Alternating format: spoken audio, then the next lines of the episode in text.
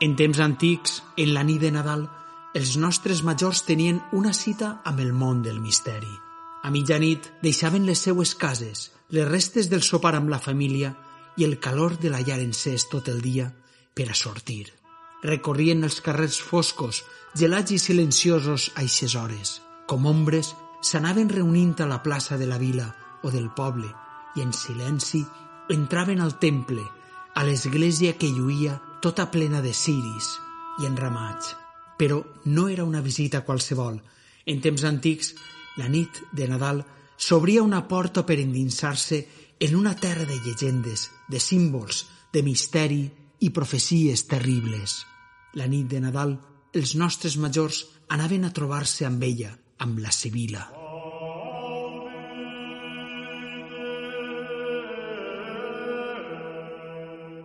Avui parlem del Cant de la Sibila, un teatre medieval carregat de simbolisme que s'ha conservat en alguns llocs i s'ha recuperat en altres. Per això és terra llegendària i més que parlar de les representacions actuals, el que volem és entendre la dimensió simbòlica que tenia per als nostres avantpassats, una gent que no pensava, no sentia i no entenia la vida com nosaltres. Sols així podrem admirar la meravella que hem conservat a les nostres terres. I per això tenim a una de les persones que més sap del camp de la Sibila, Sergi Gómez, el nostre folclorista de capçalera que des d'Ontinyent vol compartir alguns dels secrets d'aquesta fabulosa representació. Sergi, què és el cant de la Sibila?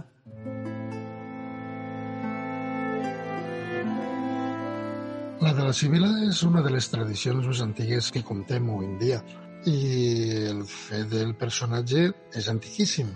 Prové de l'antiguitat clàssica. Les sibiles eren aquelles eh, endevinadores que entraven en contacte carnal amb els déus per transmetre les seues notícies i les seues, els seus avisos als humans que es volien apropar a saber de què passaria en el futur, allò que sempre ens agrada tant, no? saber què passarà.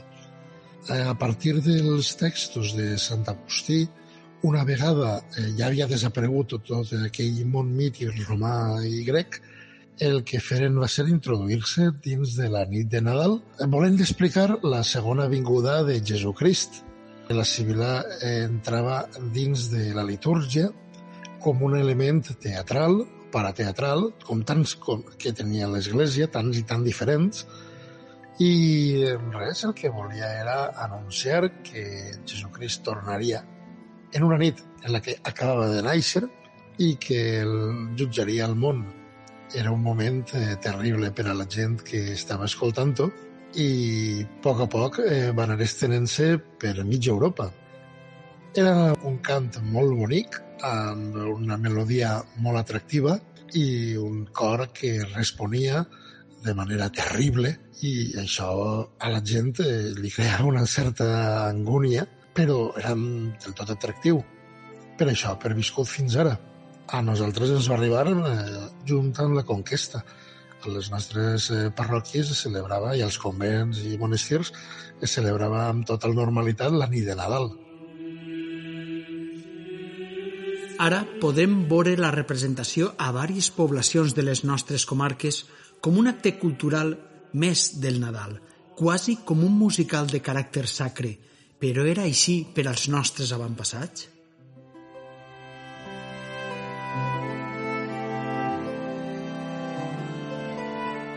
La funció de la civil era molt clara, avisar que el món s'acabava. I s'acabava molt mal. El món, a través d'una sèrie de passos terribles, arribava a la seva fi, perquè si l'anticrist venia, ens jutjaria tots i ens trobaria segurament culpable per tots els nostres pecats. Nosaltres no teníem més remei que anar acabant com acabava el món. Eh, L'aigua de la mar començaria a bollir i els peixos se fora. Fins i tot això en la nostra literatura ha estat recollit eh, per autors com Ausias Marc hi hauria terratrèmols, es destruiria tot el que nosaltres coneixem i l'única possibilitat que tenim per evitar que tot això passe és que la Mare de Déu ens protegisca i preg davant del seu fill per tal que puga salvar-nos. Tot això ho cantava normalment un xiquet, jove, amb bona veu, vestit amb robes talars, com si fos un... robes antigues, com si fos una civila, sense saber massa com era aquella roba, no? Robes que sonarien antic. I sostenia una espasa i anava cantant les cobles, eh, són moltíssimes, en alguns llocs es cantaven totes, en altres no, i la gent assistent o un cor responia que el dia del judici, el jorn del judici, es pagarà qui haurà fet servici o es comptarà qui haurà fet servici. És a dir, tinguem tots en compte que si anem mal, acabarem mal. Ja podem començar a advertir la diferència fonamental d'abans i ara. Per als nostres majors no era sols un teatre, era com una visió. La nit de Nadal una dona profeta, els feia viatjar a un futur on tot anava a acabar. I la música i els símbols tenien l'efecte d'arribar molt més endins que les paraules. Sergi, què queda de tot això? Actualment les civiles eh, o són molt senzilles com la de Gandia, que és, pot ser la que més s'apropa als estàndards eh, més habituals, eh, solen ser ja espectacles teatrals enormes i inclouen l'Ordon Profetarum, és a dir, la processó de dels diferents eh, personatges de l'Antic Testament que actuen com a avisos de l'aparició en el futur de Jesucrist i de la seva funció, els profetes i profeteses, és un espectacle sonor i visual ben bonic. En altres llocs fins i tot han acumulat altres elements que no tenen res a veure, però que es va veure que podria ser interessant clavar com una dansa de la mort o mateix, no? Per recordar justament que això és el perill que correm tots.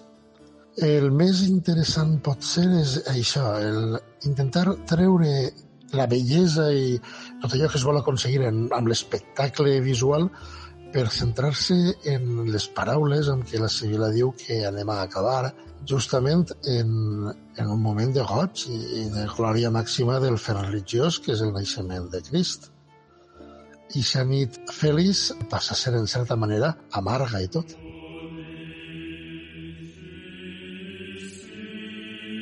I si fórem nosaltres, eixa gent de fa segles que acudim al temple la nit de Nadal, Tenint en compte la visió del món d'aquella gent, Sergi, com creus que viuríem l'experiència?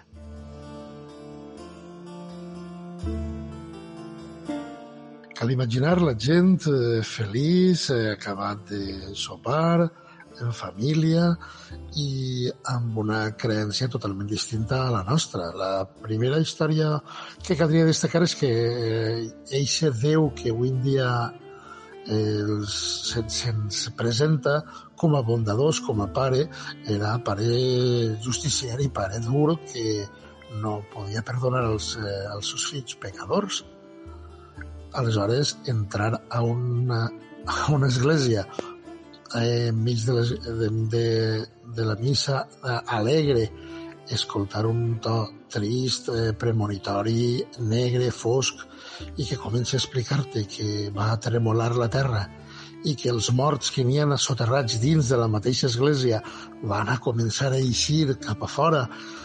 I això com a preludi de totes les destruccions la llum del sol desapareixerà, la lluna també eh, tindrem un rebombori absolut celestial que acabarà de la pitjor de les maneres la gent devotament creient que en aquell moment patiria moltíssim i això eh, crea una situació bastant eh, contrastiva, no? Eh, L'alegria, la por, eh, la por real, la por, estàs a l'escenari on començarà tota aquesta destrucció i, i serà la mateixa església la primera en ser destruïda per culpa de tots els nostres pecats i per culpa de totes aquelles coses que, que la Sibila eh, veia així per, per recordar, no? I que t'ho recordi la veu eh, dolça d'un xiquet amb aquest posat amarg, és, hauria ser un espectacle molt, molt, molt emotiu i esfereïdor, d'aquells que estan fets per a convèncer i que acaben convencent perfectament d'allà. La seva intencionalitat era segurament molt ben acomplida.